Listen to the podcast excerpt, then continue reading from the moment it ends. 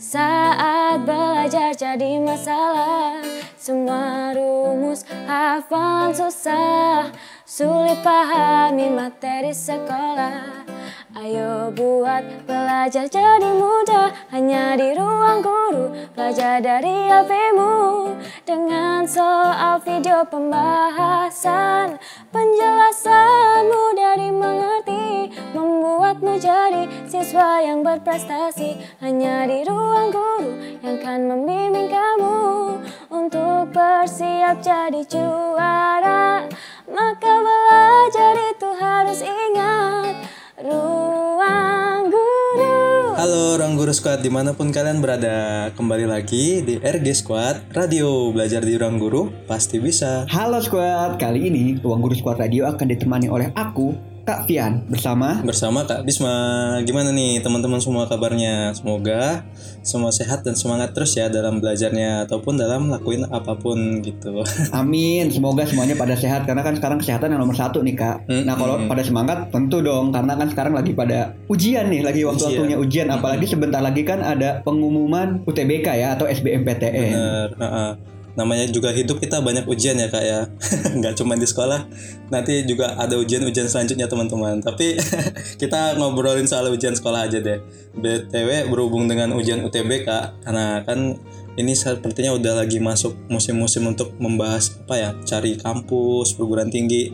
Ya jadi kita nih mau bahas tentang perguruan tinggi nih teman-teman. Nah betul nih karena kan eh, memilih kampus itu bukan hal yang sepele ya, apalagi hal yang mudah gitu. Kita juga benar-benar harus memperta- memperhatikan berbagai aspek penting nih. Mungkin mulai dari akreditasinya, jurusannya, eh, jenjangnya dan lain-lain. Nggak jarang nih juga mikirnya tuh kayak lama gitu mikir nanya ke orang tua, nanya ke teman, nanya tentang semuanya supaya kita dapat uh, masukan yang berman apa ya yang tepat gitu ya untuk milih kampus gitu ya kak ya. Jadi uh, kita tahu nih kelebihan-kelebihan dari kampus itu apa aja yang bakal kita uh, dapatkan ketika kuliah di sana. Nah itu nih, apalagi kan biasanya ini suka ada Mm-mm. dilema nih ya atau perdebatan nih. Aduh kuliah di kampus swasta atau negeri ya. Nah ini Wah. masih sering menjadi perdebatan dan momok nih untuk anak SMA khususnya anak kelas 12 nih. Ini perdebatan yang selalu ada ya kayak di tiap tahun ketahuan swasta atau negeri ya gitu. Selalu ada. Selalu ada gitu. Iya. Dan jangan-jangan Kak Ayu ngundang kita berdua ini karena alasan ini ya Kak ya antara negeri dengan swasta ya. Kemungkinan besarnya seperti itu Mungkin kak. saja Kemungkinan ya. besar. BTW salah satu dari Iya. kita ada yang kuliah di negeri, ada yang kuliah di swasta teman-teman. Buat info aja gitu. Tebak aja ya Iya, teman-teman. tebak aja siapa gitu yang kuliah di negeri di kampus TIT gitu ya. BTW universitas negeri ini masih bisa dipandang uh, kalau bagi stereotipnya ya kayak kayak dianggap lebih prestis, lebih baik bagi uh, dalam kutip dalam tanda kutip lebih baik gitu dibanding universitas swasta. Padahal kalau kita lihat di satu sisi lain sebenarnya universitas swasta itu juga kredibilitasnya nggak kalah loh dengan universitas yang uh, PTN gitu teman-teman. Ya itu bener banget itu kak. Hmm. Eh, karena kan eh, sejujurnya tidak semua PTN juga akreditasinya bi- lebih bagus dari swasta dan lain. Apalagi eh, faktor alumninya, itu juga kan cukup mempengaruhi ya untuk eh, untuk perguruan tinggi. Nah. Hmm, bener banget. Dan yang yang pastinya nih eh, ke depannya nih pembahasan kita nih bakal seru banget ya, terutama buat kamu-kamu yang masih bingung nih mau kuliah di mana nih. Jadi jangan ke mana-mana ya, stay terus di Ruang Guru Squad Radio sampai akhir. Iya bener banget kak. Oke sebelum kita masuk pembahasan lebih dalam tentang PTN PTS ini, istilahnya kayak deep talk tentang kuliah gitu ya kak ya. Aku mau kasih info dulu nih ke teman-teman nanti di akhir segmen kita bakal ada kuis yang bisa kalian ikutin nih teman-teman. Jadi jangan ke mana-mana. Iya nih nanti setelah kita pembahasan hari ini nih eh, boleh juga nih kalian juga follow sosial media Ruang Guru nih sama Ruang Guru Community. Jadi ada dua ya sosial media Ruang Guru sama Ruang Guru Community nih. Kalau di Instagram ada @ruangguru. Kayaknya pastinya kalian udah pada follow deh. Dan satunya lagi ada @ruangguru community. Ini biasanya nih kalau radio ya Kak, atau challenge-challenge juga di situ. Nah, buat yang main Twitter juga ada di @ruangguru dan @ruanggurusquad. Iya. Dan tentunya juga jangan lupa nih subscribe eh, YouTube channel Ruang Guru gitu. Oke tentunya kak. Dan juga eh, kalau misalnya teman-teman mau ikut juga nih kuisnya nanti bakal bisa diikutin di uh, story-nya ya di Instagramnya Ruang Guru Community karena nanti bakal ada uh, checkbox gitu dan kalian tinggal isi aja di situ jawaban kuis kalian dan juga sekalian di follow aja teman-teman karena di ruang guru community itu bakal banyak informasi-informasi tentang pendidikan dan juga uh, informasi menarik lainnya yang bisa kalian temuin di uh, IG-nya kita nanti. Pemenang kuisnya juga bakal diumumin di uh, RG Squad Radio ya. Eh, RG Squad Radio di di apa ya dihubungin langsung oleh admin RG Squad RG Ruang Guru Community. Jadi kalian ikut nanti bisa dapat poin yang bisa dikumpulin untuk merchandise Ruang Guru. Ya betul apalagi merchandise-nya juga keren-keren banget kan Asli Kak. keren banget. Kemarin ada yang dapat paket haji nggak sih? Enggak enggak. Waduh, nggak ada Kak. Enggak ada ya. Eh, eh, nggak ada dong. Paket haji saya juga mau Kak. Eh, eh, eh. Iya mungkin next ya Nah. kak ya. Amin amin Amin, amin. amin, amin. Semoga nanti kita rayu kita rayu Kak Bilva deh. Oke. Cece Kak Ilman Kak Nah Belva. tentunya nih. Oh Cece Cece betul. Nah, nah kita juga bakal bacain salam-salam dari teman-teman yang naik haji. Eh salah. Maksudnya kita bakal bacain salam-salam dari teman-teman semua nih. Eh, pokoknya stay terus ya di Ruang Guru Squad Stay Radio. tune teman-teman. RG Squad Radio belajar di ruang guru pasti bisa. Nah, teman-teman nih, sebelum masuk ke PTN atau ke PTS, nah alangkah baiknya kita mengenal dulu nih macam-macam atau jenis perguruan tinggi dan pendidikan tinggi yang ada di Indonesia. Yuk yuk kak. Oke. Biar lebih mengenal istilahnya gitu kayak dan dapat informasi baru nih kalian uh, lebih condong milih uh, PTN PTN atau PTS gitu ya. Iya. Pertama, eh, aku sebutin dulu aja nih ya. Di Indonesia itu kan eh, eh, sebenarnya kita tuh masih baru pahamnya itu pembagian antara PTN dan PTS, tapi sebenarnya ada banyak sekali di Indonesia itu eh, jenis-jenisnya nih. Aku sebutin ya. Pertama tuh ada universitas. Mhm. Nah ini mungkin yang paling banyak Hmm, di Indonesia bener nih ada Universitas Indonesia, Universitas Diponegoro, Brawijaya dan lain-lain. Hmm. Nah yang kedua ada institut. Nah ini institut nih kayak ITB, ITS, IPB, nah itu. Terus kemudian ada juga sekolah tinggi. Nah sekolah tinggi juga cukup banyak di Indonesia. Sekolahnya di atas gitu ya kayak Di di bukit-bukit gitu. Sekolah tinggi. Enggak, enggak dong kak. Sekolah tinggi bukan berarti sekolahnya di atas, tapi sekolahnya di eh, belajarnya di Oh. gedung Burj Khalifa. Mungkin tingkatannya lebih tinggi dibanding sekolah yang lain gitu ya kak ya.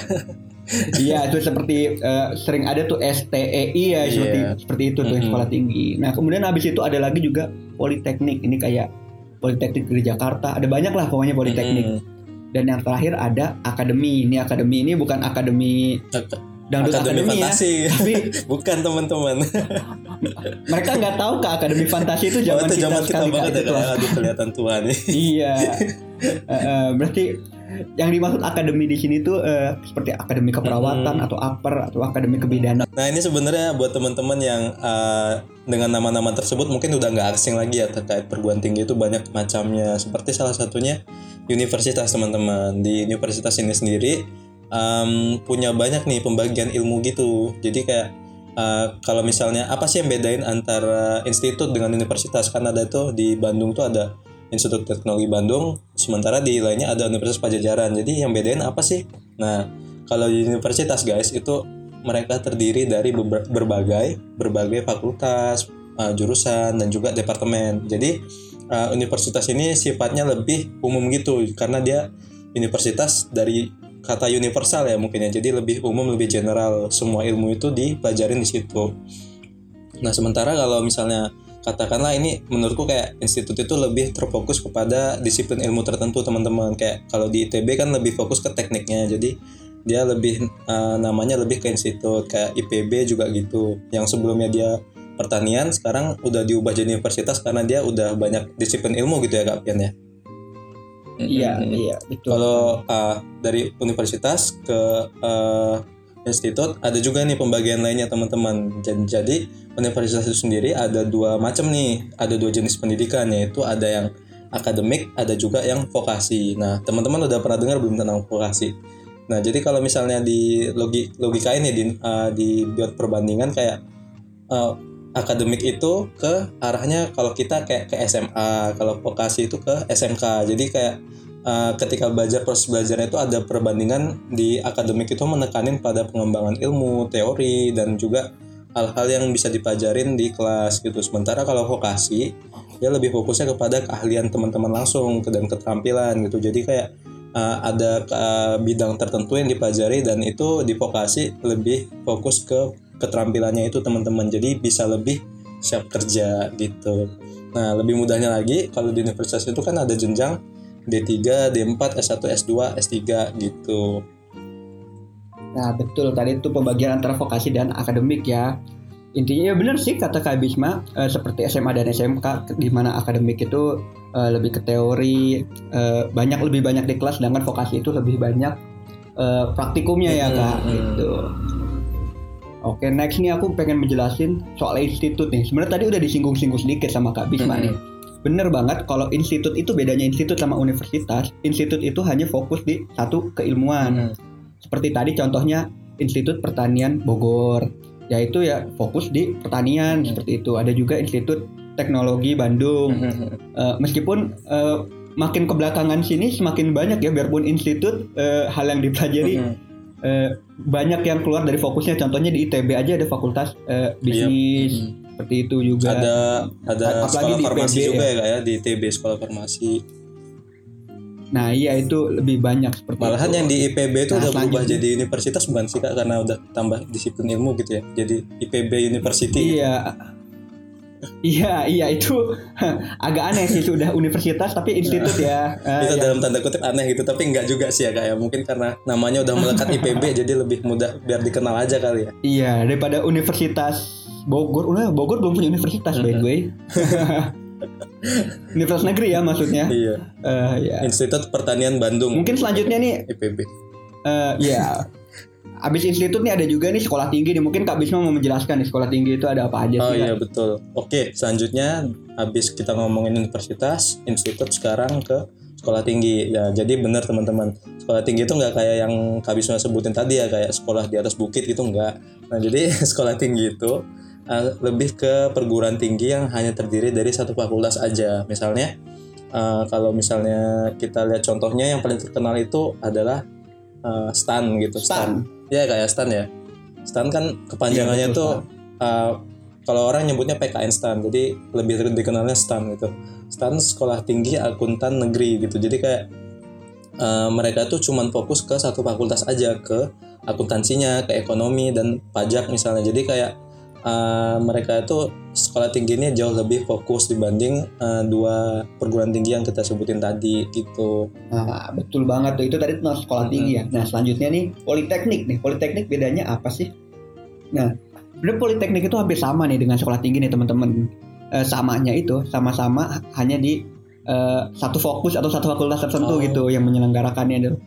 Namun perbedaannya politeknik itu tidak menyelenggarakan pendidikan yang sifatnya akademis, tapi yang lebih fokus di vokasi. Oh, gitu. Jadi lebih banyak praktikumnya, lebih banyak eh, eh, kerja lapangannya, lebih banyak praktiknya gitu. berarti lulusannya Nah, Hmm. tujuan eh, tujuan dari politeknik ini untuk eh, mencetak lulusan yang siap terjun di dunia Hmm. kerja gitu. Gimana Kak Bisma? berarti lulusannya tuh lebih banyak yang D3 D4 gitu ya kayak kalau politeknik ya Iya, betul. Itu itu membedakan antara politeknik dan sekolah tinggi Hmm, gitu. Betul banget teman-teman. Jadi uh, selain mungkin kalau menurutku ya kayak kan ada anggapan kalau PTN lebih baik dari PTS dan juga ada juga satu anggapan lagi kak terkait diploma nggak lebih baik dari sarjana. Nah itu sebenarnya juga salah sih teman-teman kayak uh, antara diploma dan sarjana itu sebenarnya setara aja, cuman uh, bidang yang mereka pelajarin tuh beda gitu ya kak Pian ya kayak D4 tuh setara sama S1 Iya, gitu sebenarnya kan. Heeh.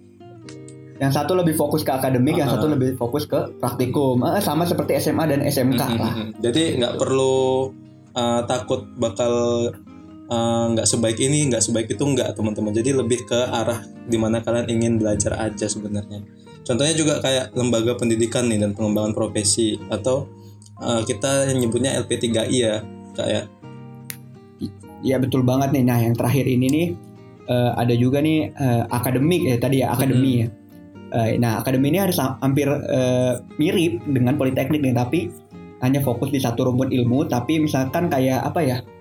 Ya paling banyak akademi itu eh, akademi bidan, akademi keperawatan, terus juga akademi polisi nih kan pasti banyak juga nih teman-teman nih yang mau jadi polisi nih. Nah itu jalurnya melalui Akpol. ya, atau Gitu. akademi Ada angkatan juga- laut ya kayak Iya AAL. Nah gitu squad. Itu malah salah satu akademi yang prestis ya kayak yang banyak diminati ya teman-teman mungkin salah satu teman-teman ada yang juga bercita-cita jadi eh, jadi abdi abdi Polisi. negeri ya abdi negara gitu jadi eh, akpol nanti dapat jodoh dari Akbid gitu bisa jadi ya. Biasanya seperti itu ya kak. Iya. nah, kurang lebih kayak gitu teman-teman tentang pembahasan tentang universitas, institut, terus politeknik, akademi dan juga sekolah tinggi. Nah, mungkin uh, teman-teman udah dapat bayangan nih, kira-kira lebih cocoknya masuk ke mana? Kalau misalnya uh, universitas mungkin teman-temannya lebih banyak dari disiplin rumpun tertentu. Kalau misalnya mau lebih uh, fokus ke circle yang lebih uh, khusus mungkin bisa masuk ke sekolah tinggi atau akademi gitu ya. Nah sebenarnya uh, pendidikan setelah jenjang SMA, SMK, SMA sederajat itu uh, bisa kalian pilih dan nggak ada yang katakanlah lebih baik lebih buruk kayak semuanya itu relatif ya teman-teman. Kalian bisa milih sesuai uh, uh, bagaimana minat kalian ketika belajar. Terus bagian mana nih kak antara PTN dan PTS-nya? Kayaknya belum lengkap kalau kita Aduh. belum bahas tentang ini nih ya kak ya. Ya itu pasti panjang banget nih kak. Mungkin setelah ini kita akan bahas tentang perbedaan apa sih beda ya kuliah di PTN atau PTS gitu. Jangan ke mana-mana, tetap di RG Squad Radio. Halo teman-teman, kembali dengan Kak Bisma. Oke, tadi kalau kita udah ngomongin tentang definisi apa aja sih yang beda antara universitas dan lain-lainnya. Nah sekarang kita nih bakal ngomong nih tentang uh, apa sih PTN dan PTS itu perbedaannya dan uh, bagaimana sih uh, perbedaan utama dari pengelolaannya mungkin gitu. Nah kalau di Indonesia sendiri teman-teman sebenarnya menurutku ya kayak nggak banyak sih uh, tidak hanya PTN atau PTS tapi juga ada uh, golongan lainnya nih teman-teman yang mungkin belum kalian tahu. Misalnya ada PTK atau perguruan tinggi kedinasan. Nah sekarang kita fokus dulu aja nih ke dua ini antara PTN dan PTS.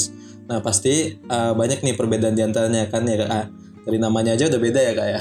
Nah betul tuh dari namanya aja udah beda. Kalau itu sih kayaknya anak SD yang baru belajar baca juga udah tahu nih. Nah cuma kan definisinya yang sekarang kita bahas ini apa sih perbedaannya biar kamu nih nggak salah nih memilih universitas yang sesuai dengan kebutuhan kamu dan eh, minat kamu nih. Mm-mm.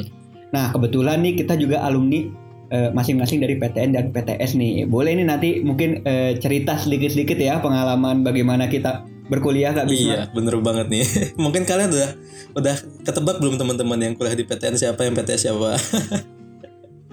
Oke, oke, mungkin langsung aja kak ya. Dan eh, perbedaan yang pertama sih ya, kalau yang aku rasain tuh kak, kalau di pengelolaannya sih, kalau di PTN itu tentu aja kayak dikelola oleh negara gitu ya kayak, jadi kayak lebih ter, eh, lebih terstruktur, lebih ikut peraturan pemerintah terkait ini itu udah apa gitu ya, udah diatur sama pemerintah. Jadi kayak eh, dimiliki eh, dikelola negara gitu. Nah kalau PTS itu menurut kalian gimana? Nah kalau PTS itu eh, sebenarnya perbedaannya simpel sih sama seperti SMA ada yang negeri ada yang swasta seperti itu saja Hmm. gitu bedanya ini di perguruan tinggi nih ya. Kalau PTN tadi benar kata Kak Bisma dikelola oleh negara sedangkan PTS itu biasanya dikelola oleh satu suatu yayasan gitu. Mm, mm.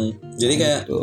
eh, jelas ya dari namanya aja udah kebayang gitu antara PTN tuh diurus sama negeri. Nah kalau eh, swasta diurus sama perseroan atau perusahaan yang swasta gitu ya. atau yayasan, Nah, yayasan, benar banget. Nah, gitu.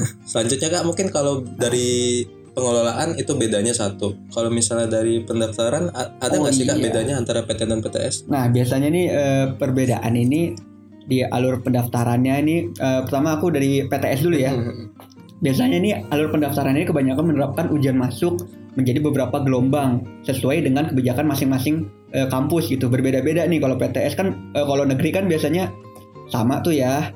Eh, kalau negeri itu eh, ada di UTBK itu melalui SNMPTN atau SBMPTN gitu kan. Terus kemudian ada ujian mandirinya yang diselenggarakan oleh masing-masing kampus dengan kebijakan masing-masing kampus. Nah, kalau PTS ini sama saja kayak eh, ujian mandirinya masing-masing kampus gitu seperti itu kak. Hmm. Tapi eh, eh, eh, tergantung eh, perguruan tingginya. Namun ada juga yang menggunakan jalur rapot juga, Hmm. ada yang jalur prestasi juga, ada juga yang tes tertulis seperti itu. Oke, kalau yang PTS ini metode seleksinya lebih beragam gitu ya kak ya. Jadi kayak kita harus lebih teliti gitu, ma- mantau apa aja syaratnya gitu ya kalau PTS ini gitu ya. Iya sebenarnya nggak beda jauh sama eh, PTN sih, cuma bedanya PTN itu kan biasanya serentak ya, sedangkan PTS itu kan dibagi masing-masing kampus. Jadi kita misalkan kita kalau pengen eh, misalkan kita ngincar satu kampus nih, satu kampus eh, swasta sebut saja eh, Tit gitu ya. PIP, ah, binus lah. Nah itu kita harus bener-bener pantau tuh, Binus. oh kapan eh, pendaftarannya seperti itu karena eh, berbeda-beda gitu kalau PTS itu. Jadi ada banyak gelombang gitu Hmm, kak. hmm. Nah biasanya tuh gelombang satu itu biayanya lebih murah dan saingannya nggak begitu Hmm. banyak dibanding gelombang-gelombang akhir gitu. Dan harus diakui bahwa daya ketat eh, daya persaingan untuk masuk eh, PTS itu tidak seketat PTN karena ya tadi seperti yang kita bilang di awal ya kak bahwa di kita ini PTN ini masih dianggap jauh lebih prestis alias lebih keren lah daripada PTN gitu. Tapi eh, bener eh, banget kak tapi ini kadang nih beberapa PTS juga ada yang menerapkan seleksi lain kayak psikotes, TOEFL dan kemampuan dasar lainnya gitu kak. Bener banget kak. BTW berbeda banget nih ya kalau misalnya kita eh, PTN gitu. Kalau PTN itu jalur masuknya sih yang kemarin aku ikut itu tahun 2016 ya kak ya. Itu di PTN tuh ada tiga jalur gitu. Dan sekarang kayaknya masih sama sih tiga jalur juga. Ini masih Yang pertama itu melalui jalur undangan atau senam PTN namanya SNMPTN. Terus eh, dari jalur undangan ini sama kayak jalur kalian ngasih nilai raport, terus nanti dipilih berdasarkan eh, eh, performance nilai kalian teman-teman atau eh, peningkatan nilai dan juga prestasi kalian dari segi sertifikat dan lain-lain dan nanti universitas akan nyeleksi nih dari nilai rapor semester kalian. Terus yang kedua uh, melalui ujian, ujian nasional atau SBMPTN. SBMPTN itu seleksi bersama masuk perguruan tinggi negeri melalui instrumen UTBK, ujian tulis berbasis komputer. Dan nanti universitas akan nyeleksi berdasarkan nilai hasil akhir kalian nih di UTBK gitu. Jadi ujiannya tuh lebih kayak medan perang gitu ya kayak kayak bersaing gitu Eh, belajarnya kenceng-kencengan gitu nilainya makin tinggi makin besar peluangnya untuk masuk Iya seperti itu. Nah, itu eh, bedanya antara SNM dan SBM nih. By the way sekarang SNM SBM. juga ada sedikit perbedaan sih kak dibandingkan zaman kita dulu tes kak. Mm-mm. kalau kita dulu gimana tuh kak Kalau kita dulu kan SNM itu semua orang berhak mendaftar kak nih. Kalau sekarang itu Mm-mm. eh, eh, dibagi kuota tiap sekolah itu beda-beda yang bisa mendaftar SNMPTN itu eh, Ah, berbeda-beda iya, dibagi benar, Kak. berdasarkan banget. akreditasi SMA kalian. Misalkan Mm-mm. akreditasinya A itu berapa persen yang bisa berapa persen dari nilai tertinggi yang bisa ikutan SNM gitu. Jadi tidak seketat eh, zaman kita dulu kak gitu. Pesertanya tidak sebanyak Mm-mm. zaman kita dulu tapi jelas saja nilainya berarti sudah terfilter gitu yang nilai-nilainya rendah tidak bisa Iya. ikutan duluan dari awal seperti itu kak. kayaknya zaman kita dulu lebih bahagia ya kayak kalau mau daftar tinggal daftar aja ya SNMPTN ya Betul banget nih kak. Oke. BTW uh, uh, yang terakhir nih, tadi udah tentang SBM, SNM dan yang terakhir tuh tentang jalur ujian mandiri. Nah, Nah, ujian iya. mandiri ini kurang lebih sama nih kayak ujian yang uh, metodenya yang PTS. swasta teman-teman. Iya, jadi PTS, eh, kita ya. harus eh, bener-bener mantau nih masing-masing universitas yang kita tuju. Misalkan di UI ada SIMAK UI, Mm-mm. ada apa lagi kak? Oh. Mandiri kak?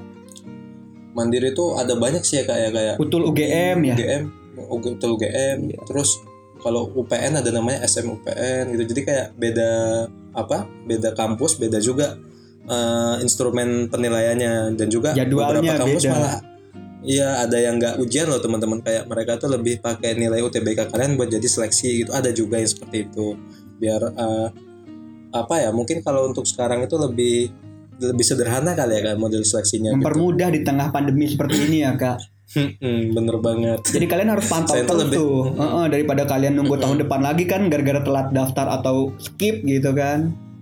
Mm-mm. Jangan males nih teman-teman untuk ngecek detail-detail dari kampus-kampusnya gitu yang kalian inginkan. Selain itu ada juga nih dari kan tadi kita udah ngobrol tentang pengelolaan pertama, yang kedua tentang jalur masuk. Nah, yang ketiga nih kita mungkin salah satu yang paling berpengaruh ya dalam memilih kampus kayak apalagi kalau bukan fasilitas teman-teman. Oke, kita lanjut ya ke fasilitas kampus gitu. Kalau misalnya fasilitas tentu berbeda gitu ya antara uh, kampus satu dan kampus lainnya nggak cuman antara PTN dan PTS gitu.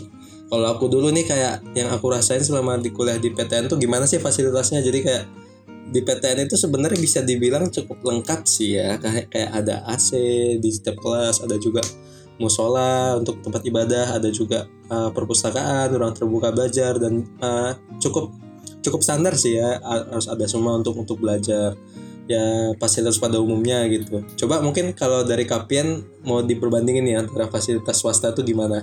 Ya, Kak Bisma udah buka bocoran ini. Jadi ketahuan deh siapa yang di perguruan tinggi negeri, yang di perguruan tinggi swasta. Nah, jadi eh, itu tadi eh, ceritanya Kak Bisma nih dari eh, perguruan tinggi negeri nih. Kalau aku nih, sama berkuliah di PTS swasta nih. sebenarnya kembali lagi ke tadi tergantung sekolahnya. Tergantung sekolahnya kita ini eh, sebenarnya tidak cukup fair ya kak untuk membandingkan antara PTN atau PTS dari segi fasilitas. Sebenarnya itu tergantung balik lagi ke masing-masing kampusnya sih seperti itu. Tapi eh, kalau di kampusku aja ya, kalau di kampusku Mhm. dulu nih eh, fasilitasnya mungkin aku sedikit bisa berbangga karena lebih lengkap mungkin dari yang disebutin Lebih lengkap ya. Ada sebutin Kak Bisma gitu. Eh, eh, mm-mm. banyak banget sih. Mungkin ya sama kayak tadi kayak eh, ruang kelasnya sudah full AC, terus eh, laboratorium praktikum nih, jangan salah laboratorium praktikumnya pun sudah lengkap banget gitu. Sudah lengkap Mm. banget Mm-mm. karena kan aku juga sebelum mendaftar juga melihat akreditasi baik akreditasi kampusnya harus A, akreditasi eh, Mm-mm. fakultasnya, akreditasi jurusannya gitu. Nah, itu untuk mem- Mm-mm. eh, mempengaruhi fasilitas kalian dari sisi akademik kayak dari ruang kelasnya, rasio antara dosen dan eh, mahasiswanya, terus kemudian juga kelengkapan fakultas apa eh, laboratoriumnya gitu. laboratorium. Sama juga Jadi tadi kalian kadang kalau kalau mau nilai tentang fasilitas kampus tuh bisa melalui akreditasi juga ya kayak karena berbanding lurus ya kalau makin tinggi Kak. akreditasinya biasanya fasilitasnya makin memadai dalam tanda kutip lebih memadai. Iya seperti itu gitu. Nah. Lebih plus plus plus gitu ya kak ya. Ya sama mungkin semer- seperti Kak Bisma tadi kayak ruang kelasnya AC, laboratoriumnya ada musola di setiap fakultas, ada juga eh, masjid, ada juga perpustakaan besar, terus ada juga Mm-mm. ruang terbuka belajar, eh, ada gornya, bahkan sekarang ada waduknya kampus saya. Waduk ya. Eh, eh. Jadi kalau misalnya lagi bosan kuliah bisa keluar bentar nih mancing gitu ya. Iya, Terus bisa banget pulang itu. gitu. Memang luar biasa kampus-kampus sekarang ya kak. Betul. BTW ah, udah pasti nih kalau misalnya kampus itu lebih ya harus diperhatiin fasilitas-fasilitasnya sih teman-teman. Nah, secara kalau kita lihat dari biaya kuliahnya juga ah, berbeda jauh ya dengan biaya kuliah kita waktu sekolah. Kalau di PTN sendiri dari pengalamanku sih ya Kak, kalau untuk biaya itu kita diberlakuinnya sistem biaya kuliah uang tunggal atau UKT. Nah, UKT ini gimana? Jadi UKT itu sebuah eh, ukuran di mana kalau biaya kuliah kalian tuh diukur berdasarkan berapa eh, pendapatan di keluarga kalian. Jadi misalnya dari status ekonominya gitu teman-teman.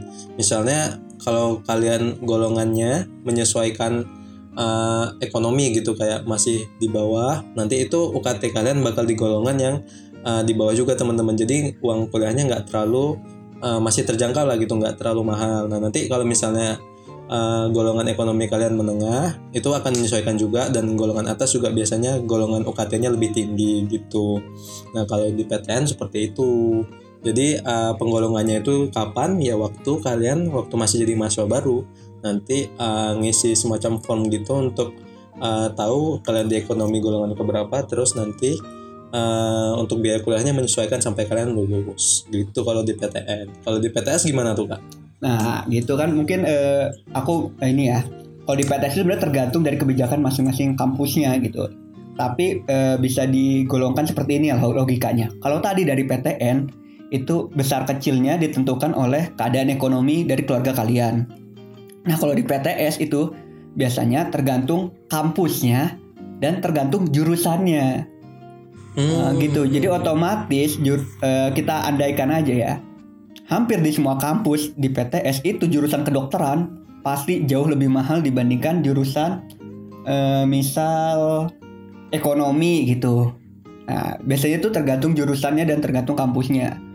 Nah, itu tuh eh, eh, kalau UKT kan merata di semua PTN. Nah, kalau pet- eh, kalau di perguruan tinggi swasta itu lebih dibagi-bagi lagi di tiap kampusnya. Dan biasanya juga lebih banyak pembagian apa? Apanya ya pembagiannya mulai dari biaya pendaftaran, ada biaya registrasi ulang, biaya SPP Hmm. seper semester, terus juga ada uang sumbangan atau uang gedung. Nah, tapi balik lagi ini tuh eh, berbeda-beda gitu. Eh, Iya. berbeda-beda. Contohnya kayak eh, pengalaman kampus saya dulu. Kalau kampus saya dulu itu eh, selain berdasarkan jurusan tadi ya, eh, pembagiannya itu berdasarkan tes. Jadi kita tuh ada tes tertulisnya gitu kak. Oh gitu. Uh, uh, jadi uh, dibagi menjadi lima level dari level 1 sampai level 5 kalau level kita makin ke atas makin ke satu itu semakin murah bahkan level 1 itu kita gratis kak nggak bayar apa-apa kak gitu Oh biasanya level 1 tuh yang nilai tesnya tinggi-tinggi gitu ya kak? Iya betul. Nah Oh gitu. Itu bisa jadi motivasi loh kalian buat belajar makin giat gitu ya teman-teman Iya. biar dapat biar dapat gratis. apa? eh.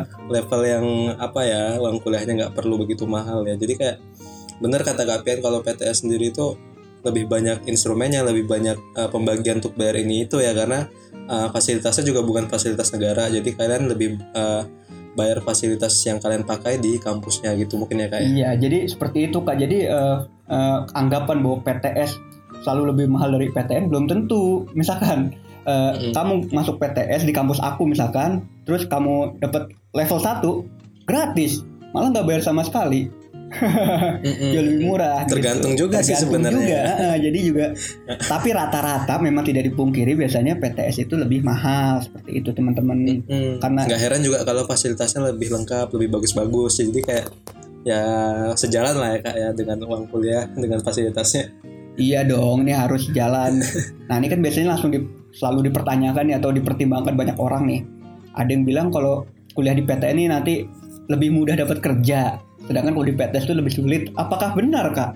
Gimana nih kak? Apakah benar? Eh, ini pertanyaan sejuta umat nih. Apakah benar PTN lebih dilirik di dunia kerja? Iya. Oke, nah kalau pengalamanku ya kak ya, buat kita yang berdua mungkin udah lulus kuliah, udah ngerasain dunia kerja, jadi kayak menurutku sendiri gak ada hubungannya ya antara PTN atau PTS karena lulusan mana itu nggak terlalu begitu dimasalahin sih ketika kalian nyari kerja. Jadi kayak eh, PTN dan PTS itu sama-sama nggak ngejamin gitu loh kalian lebih mudah untuk dapat pekerjaan, tapi juga nggak ngejamin kalian eh, bakal dipersulit juga. Nggak- bukan berarti kalian lulus PTS bakal kalian ditolak banyak pihak gitu yang nggak juga gitu sebenarnya. Jadi kayak kembali ke skill kalian juga sih, misal misalnya dari kemampuan hard skill ataupun soft skill kalian yang bisa eh, kalian jual untuk eh, jadi jadi nilai plus kalian untuk di dunia kerja nanti.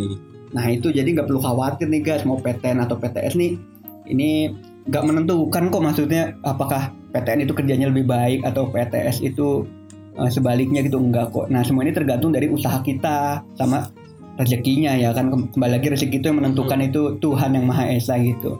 Nah buktinya nih sekarang nih aku sama Kak Bisma satu negeri satu swasta tapi kerjanya sama kak di kantor yang sama. Satu kantor kita ya. Iya. Meskipun eh, nggak dipungkiri ya, ada be- eh, ada beberapa pengalaman yang aku sedikit bercerita aja kayak ketika mendaftar di suatu eh, BUMN gitu, ada yang suka menerapkan standar yang berbeda. Misalkan eh, untuk eh, perguruan tinggi negeri minimal yang bisa daftar itu IPK 3, sedangkan untuk perguruan tinggi swasta eh, minimal 3,25. Ada yang seperti itu. Mm-mm. Ada juga yang bukan berdasarkan negeri atau swastanya, tapi berdasarkan lebih ke akreditasinya. akre- akreditasi Iya, ya. yang akreditasi A sekian, akreditasi B sekian gitu kak. Mm-mm, jadi kayak mungkin ada sedikit penyesuaian gitu mungkin ya tapi nggak tahu apakah ini mendukung uh, stereotip tadi atau enggak tapi ya tergantung kebijakan juga sih dunia kerja. Dan mungkin hal-hal kayak gitu tuh nggak banyak teman-teman tapi ada. Iya. bener. Jadi mungkin kalian udah kebayang gitu lah ya mau antara PTN atau PTS gitu. Jadi kayak uh, semoga dari obrolan kita ini kayak lebih bisa jadi titik terang buat kalian biar nggak ragu-ragu lagi nih milih yang mana gitu. Iya nih, mungkin juga udah terbayang mau pilihan mana. Mungkin ya, eh, aku tahu sih di pikiran kalian, aku pengen coba eh, PTN dulu deh kak. Heeh, kalau nggak lulus, baru cari PTS yang bagus. Mungkin seperti itu. Atau mungkin ada juga nggak apa-apa banget Gak apa-apa banget atau mungkin ada aku udah siap plannya kak aku udah daftar PTS dari gelombang satu biar murah supaya nanti aku nggak lolos PTN eh, bisa langsung masuk ke PTS ada juga yang seperti itu plannya Ada. gitu boleh banget kok teman-teman jadi uh, uh, tetap pun mau masuk di mana pun yang perlu yang namanya usaha giat teman-teman. Jadi nggak mudah untuk masuk perguruan tinggi atau universitas. Ya kalau misalnya um, kalian ingin dapat uh, kursi di kursi kursi di universitas impian kalian tetap harus berjuang atau berusaha giat. Karena uh, saingan itu makin banyak dan juga uh, kalian juga akan menentukan bagaimana eh, bangku kuliah itu akan menentukan bagaimana masa depan kalian ke depannya Iya gitu. betul oh mungkin aku pengen cerita nih kak ya dulu banyak yang bilang apa eh, UTBK tuh harus belajar giat terus kalau pengen tes di swasta gitu ah gak usah belajar tesnya mah gampang gitu Nah, Mm-mm. dulu aku berpikiran seperti itu juga kak. Dulu aku berpikir Gimana nih itu. pengalaman tesnya Kak Pian di PTS nih? Wah, ketika aku tes nih kak, terus soalnya nggak beda sama UTBK kak, sama-sama susah kak, Waduh. sama-sama. Jadi sebenarnya nggak nggak ada jaminan lebih susah ya. Kalian nggak dapat pertanyaan pertanyaan IPA atau IPS gitu ya teman-teman tapi lebih lebih advance juga. tetap sama susah, sama susah. Bahkan sama. aku sih cerita cerita nih kak. Ketika aku eh, sebelum ujian itu aku nunggu di depan eh, ruangan ujian gitu, terus aku ngobrol sama adalah mahasiswa yang aku kan apa calon mahasiswa yang aku yang ikut juga aku ngobrol. Mas udah Iya, iya. eh, tes berapa kali? Oh saya udah enam kali. Waduh sebelah kiri. Mas Waduh. udah berapa kali? Sudah delapan kali nggak lolos. Sedangkan aku baru Waduh. baru mau tes pertama kalinya saat itu kan langsung, waduh emang sesusah itu tesnya ya. Begitu aku masuk, wah ternyata emang beneran susah tesnya. Cuma mungkin yang ang- anggapannya lebih gampang kalau di kampusku itu setelah gagal di hari ini besoknya bisa mencoba lagi. Sedangkan kalau UTBK kan Ah, kita gagal kan eh, udah selesai gitu. Nah kalau di kampus aku dulu itu kalau kita gagal hari ini besoknya bisa coba lagi dan tentunya bayar uang pendaftaran lagi dan soalnya pun nggak Just- lebih just- mudah soalnya pun Iya. sama-sama susah gitu kak Jadi mungkin pesannya Kak Pian kalian jangan terlalu nyepelein teman-teman. Ah, jangan kira kalau pengen targetnya masuk PTS aja ya udah deh nggak usah belajar nggak apa-apa. Tentu gampang kok masuknya nggak juga sih sebenarnya Kak ya. nggak juga Intinya kayak ada tuh yang sampai enam kali, 8 kali ya. Sebenarnya kalau kalian senang-senang aja ikut terus bayar terus ya nggak masalah. Cuman kan nggak ngapain gitu ya kan untuk ikut terus ya Kak. ya. iya sayang belajar uang yang kak giat belajar yang giat terus langsung lulus di percobaan pertama itu kan lebih lebih praktis nggak sih rasanya iya lebih enak juga gitu dan beruntungnya dulu ya, aku jelas. eh, eh, lolos di pertama dan lumayan dapat level kedua jadi nggak terlalu mahal biayanya. Wede. Bahkan- iya kak pintar nih smart boy kak Pian. Nih bahkan setelah aku bandingkan teman-temanku yang berkuliah di negeri justru lebih murahan aku bayarannya. Tapi itu ya keren keren keren. tergantung kalian lah nih. Nah itu tadi ya penjelasan kita tentang PTN dan PTS nih. Setelah ini kita akan baca ini beberapa pesan nih dari teman-teman Squad yang udah kirim kemarin udah kirim-kirim pesan nih ke, ki- ke kita nih. Nah jadi Yoi. jangan ke mana-mana nih guys, tetap stay tune ya di Squad Radio. Oke teman-teman kembali lagi bersama Kak Bisma Ayo aja nih kita langsung bacain salam-salam dari teman-teman yang udah ngirim ke kita Yang pertama ada dari siapa nih Kak? Nih yang pertama nih dari kita belajar di sana ya ruang sih guru pasti dari Sum- bisa. Berapa? RG Squad Sumbagut 1B. Kirim salam buat abang saya yang jauh di sana. Waduh, abang abang Halo abang dapat gitu Ab- salam dari kita abang kandung atau abang-abangan atau gimana nih kita nih? abang lah kak yang pasti abang lah ya mungkin abang dari saudara ataupun Ab- eh, sepupu gitu ya bisa jadi atau abang tukang bakso? Mari mari sini. Abang. bisa jadi mungkin dia kangen dengan tukang bakso ya oke kita makasih salamnya udah disampaikan ya terus ada juga nih kak dari Syarifah Fatihah Azahra wah bagus nih namanya nih Bagus. ah mm-mm.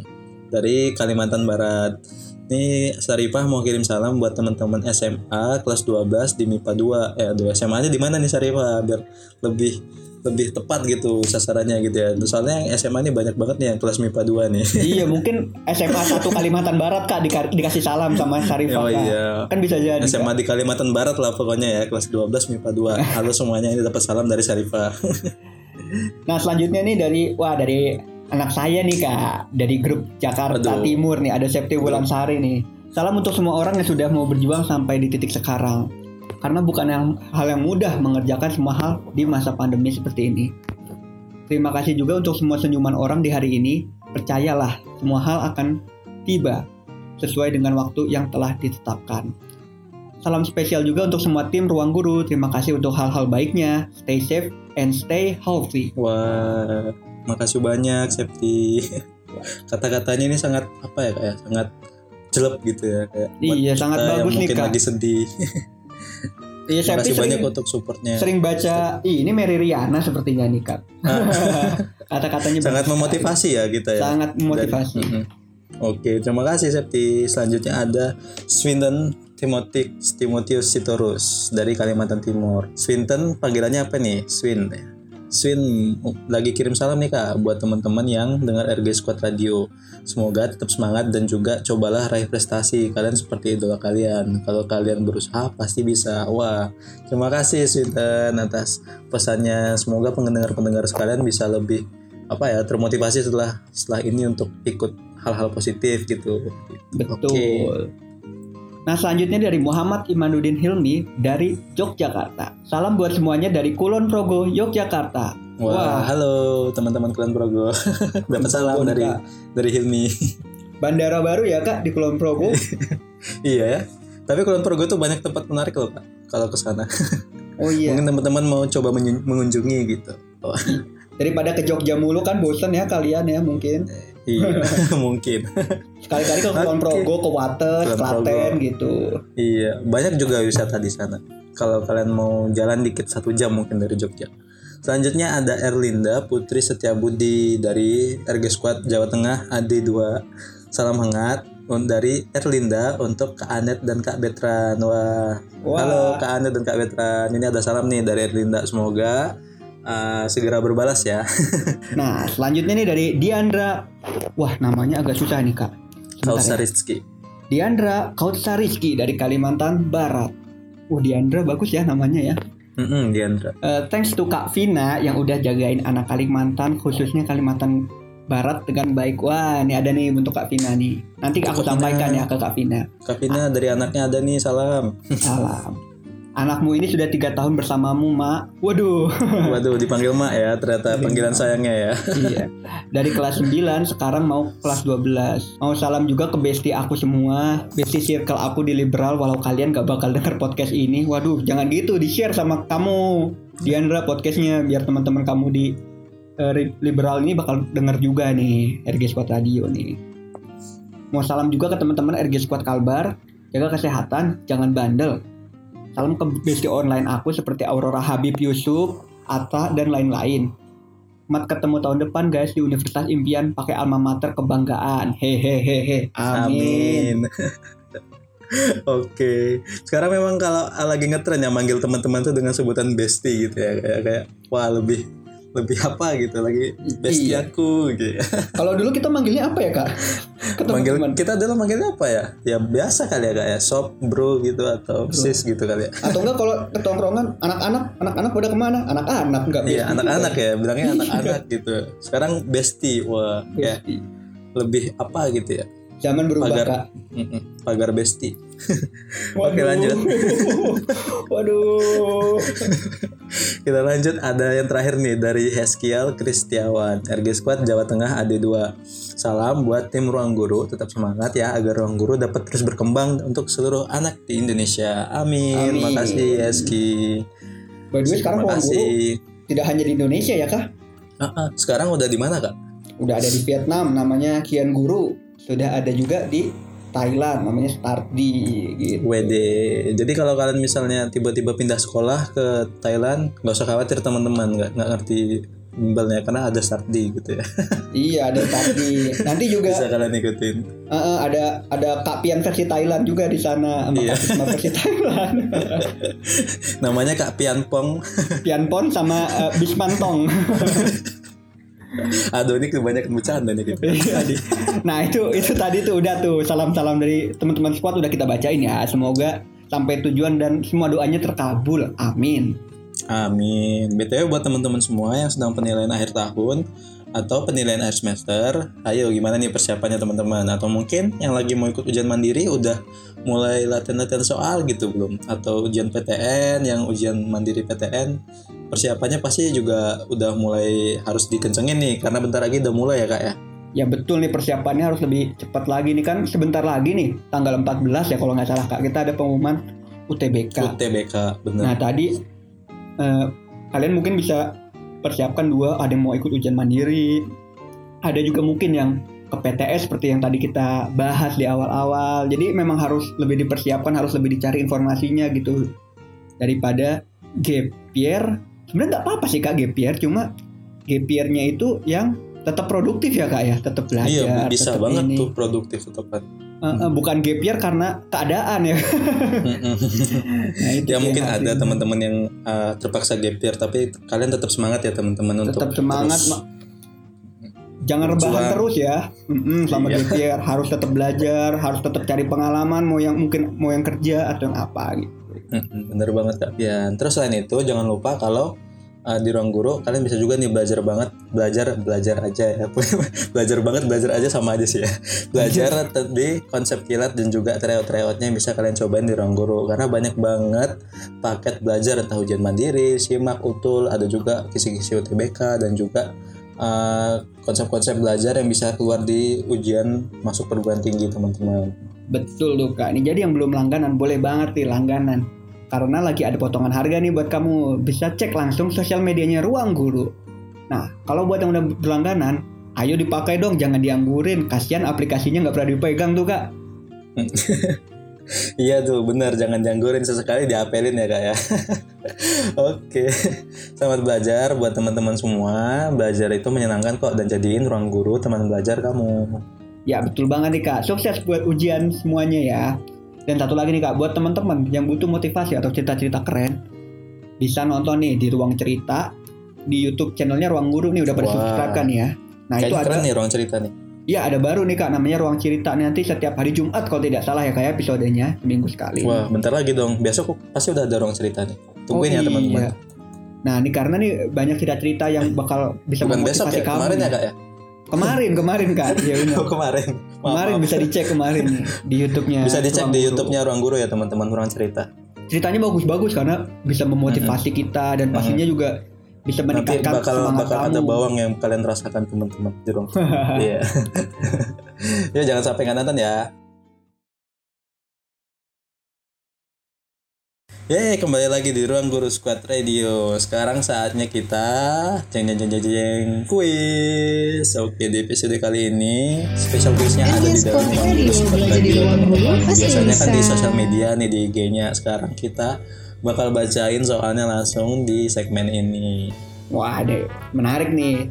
Apalagi buat teman-teman yang masih tetap stay dengerin kita sampai akhir nih. Nah, kira-kira kuis tentang apa aja nih Kak nih? Mungkin dapat nungguin, gampang nih squad quiznya. Kali ini berhubungan dengan Pancasila. Wah, siapa tuh yang nggak tahu Pancasila? Tahu semua lah pastinya ya. Kan 1 Juni kemarin kita lagi sedang sudah memperingati hari lahirnya Pancasila. Ayo, siapa nih yang nggak sadar kalau sekarang tak kemarin tuh tanggal merah Pancasila? Pasti sadar dong Kak, kan libur Kak. kan libur. Tapi kan lagi pada liburan nih rata-rata. iya, meskipun kemarin eh, pengalaman aku tuh ngechat di grup RG Squad Jakarta. Kalian pada sadar nggak besok libur? Banyak yang nggak sadar ternyata Kak. Karena memang lagi liburan panjang kak, jadi tanggal merah nggak kerasa gitu Ya, kali. ya. termasuk saya juga nggak sadar kak. Hampir aja kerja ya kak. ya? iya, hampir saja saya kerja kalau nggak saya. Oke sadar. oke, kita Oke, nih. quiznya. Sekarang pertanyaannya, didengerin ya. Pada tanggal berapa lahirnya rumusan dasar negara Republik Indonesia yang dikenal sebagai Piagam Jakarta? Nah, tuh. Jeng jeng jeng jeng. Pasti pernah nih dengar piagam Jakarta atau Jakarta Charter. Apa Wah. kerennya ya kak ya? masih apal Kak Bisma. Apal dong. Kan dulu belajar PKN. Ayo kira-kira apa nih jawabannya teman-teman? Nih yang, yang senang belajar PKN ini pasti tahu nih langsung. Wah piagam Jakarta tanggal segini gitu. Yuk buat kamu yang udah tahu jawabannya langsung aja buka HP lihat IG-nya Ruang Guru Community dan nanti di story-nya itu ada hmm, question ada boxnya gitu yang bisa kalian isi. Tanggal berapa piagam Jakarta di dilahirkan? Jadi rumusan dasar negara kita. Oke langsung Nah. aja. Betul banget nih Kak. Ayo buruan cek Instagramnya RG Squad Community dan selain dicek di follow juga ya guys, jangan cuma cek boleh doang. banget di follow dan nanti untuk pemenang kuis RG Squad Radio akan diumumin di websitenya LTMPT eh bukan di story Instagram Ruang Guru Community teman-teman. Ya betul. Dan nantinya juga akan di DM sama Mid Squad IG Ruang Guru Community nih teman-teman. Pemenang quiz RG Squad Bener hari ini akan mendapatkan Bener rewardnya. Siapa sih adminnya kak? adminnya Kak Ayu. Oh, nanti akan di, di DM dengan Kak Ayu. Tahu kan Kak Ayu? Nah ya ini kita lagi ngerampok mic-nya Kak Ayu nih untuk RG Squad Radio kali ini pemenang kuis RG Squad Radio nanti juga akan dapetin reward ya teman-teman pastinya. Jadi, yuk ikutan.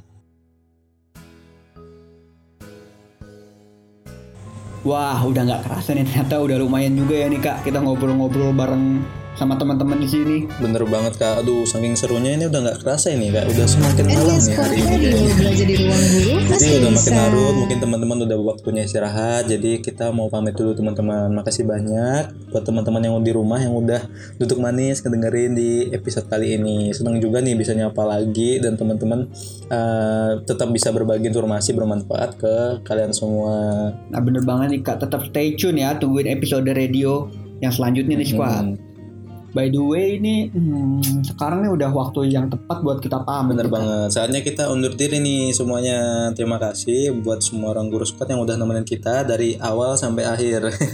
Selalu setia dan juga tune ya buat uh, RG Squad episode selanjutnya. Bener nih terima kasih juga nih untuk squad kita yang udah kirim-kirim salam nih. Semoga salamnya sampai ke tujuan dan segera mendapatkan Amin. balasan ya. Nah, aku juga mau mengingatkan nih ke teman-teman nih, kesuksesan kamu itu bukan ditentukan dari universitas mana kamu berasal, namun melalui kerja keras dan keinginan yang kuat untuk selalu belajar yang membawa kamu kepada kesuksesan. Jadi tetap semangat Yuh, guys. semangat teman-teman semua dari Kak Bisma dan Kak Fian mohon maaf kalau ada kesalahan kata-kata atau mungkin kebanyakan ngomong kali. jaga kesehatan semuanya, minum vitamin, jangan lupa rajin olahraga dan juga jaga kebersihan, jaga ini, jaga itu, semuanya dijaga. Boleh banget. Semangat terus teman-teman. Semangat terus belajar ya teman-teman. Selamat berakhir pekan. Selamat berakhir pekan ya squad. Sampai jumpa Sampai lagi. jumpa lagi. Sampai jumpa lagi.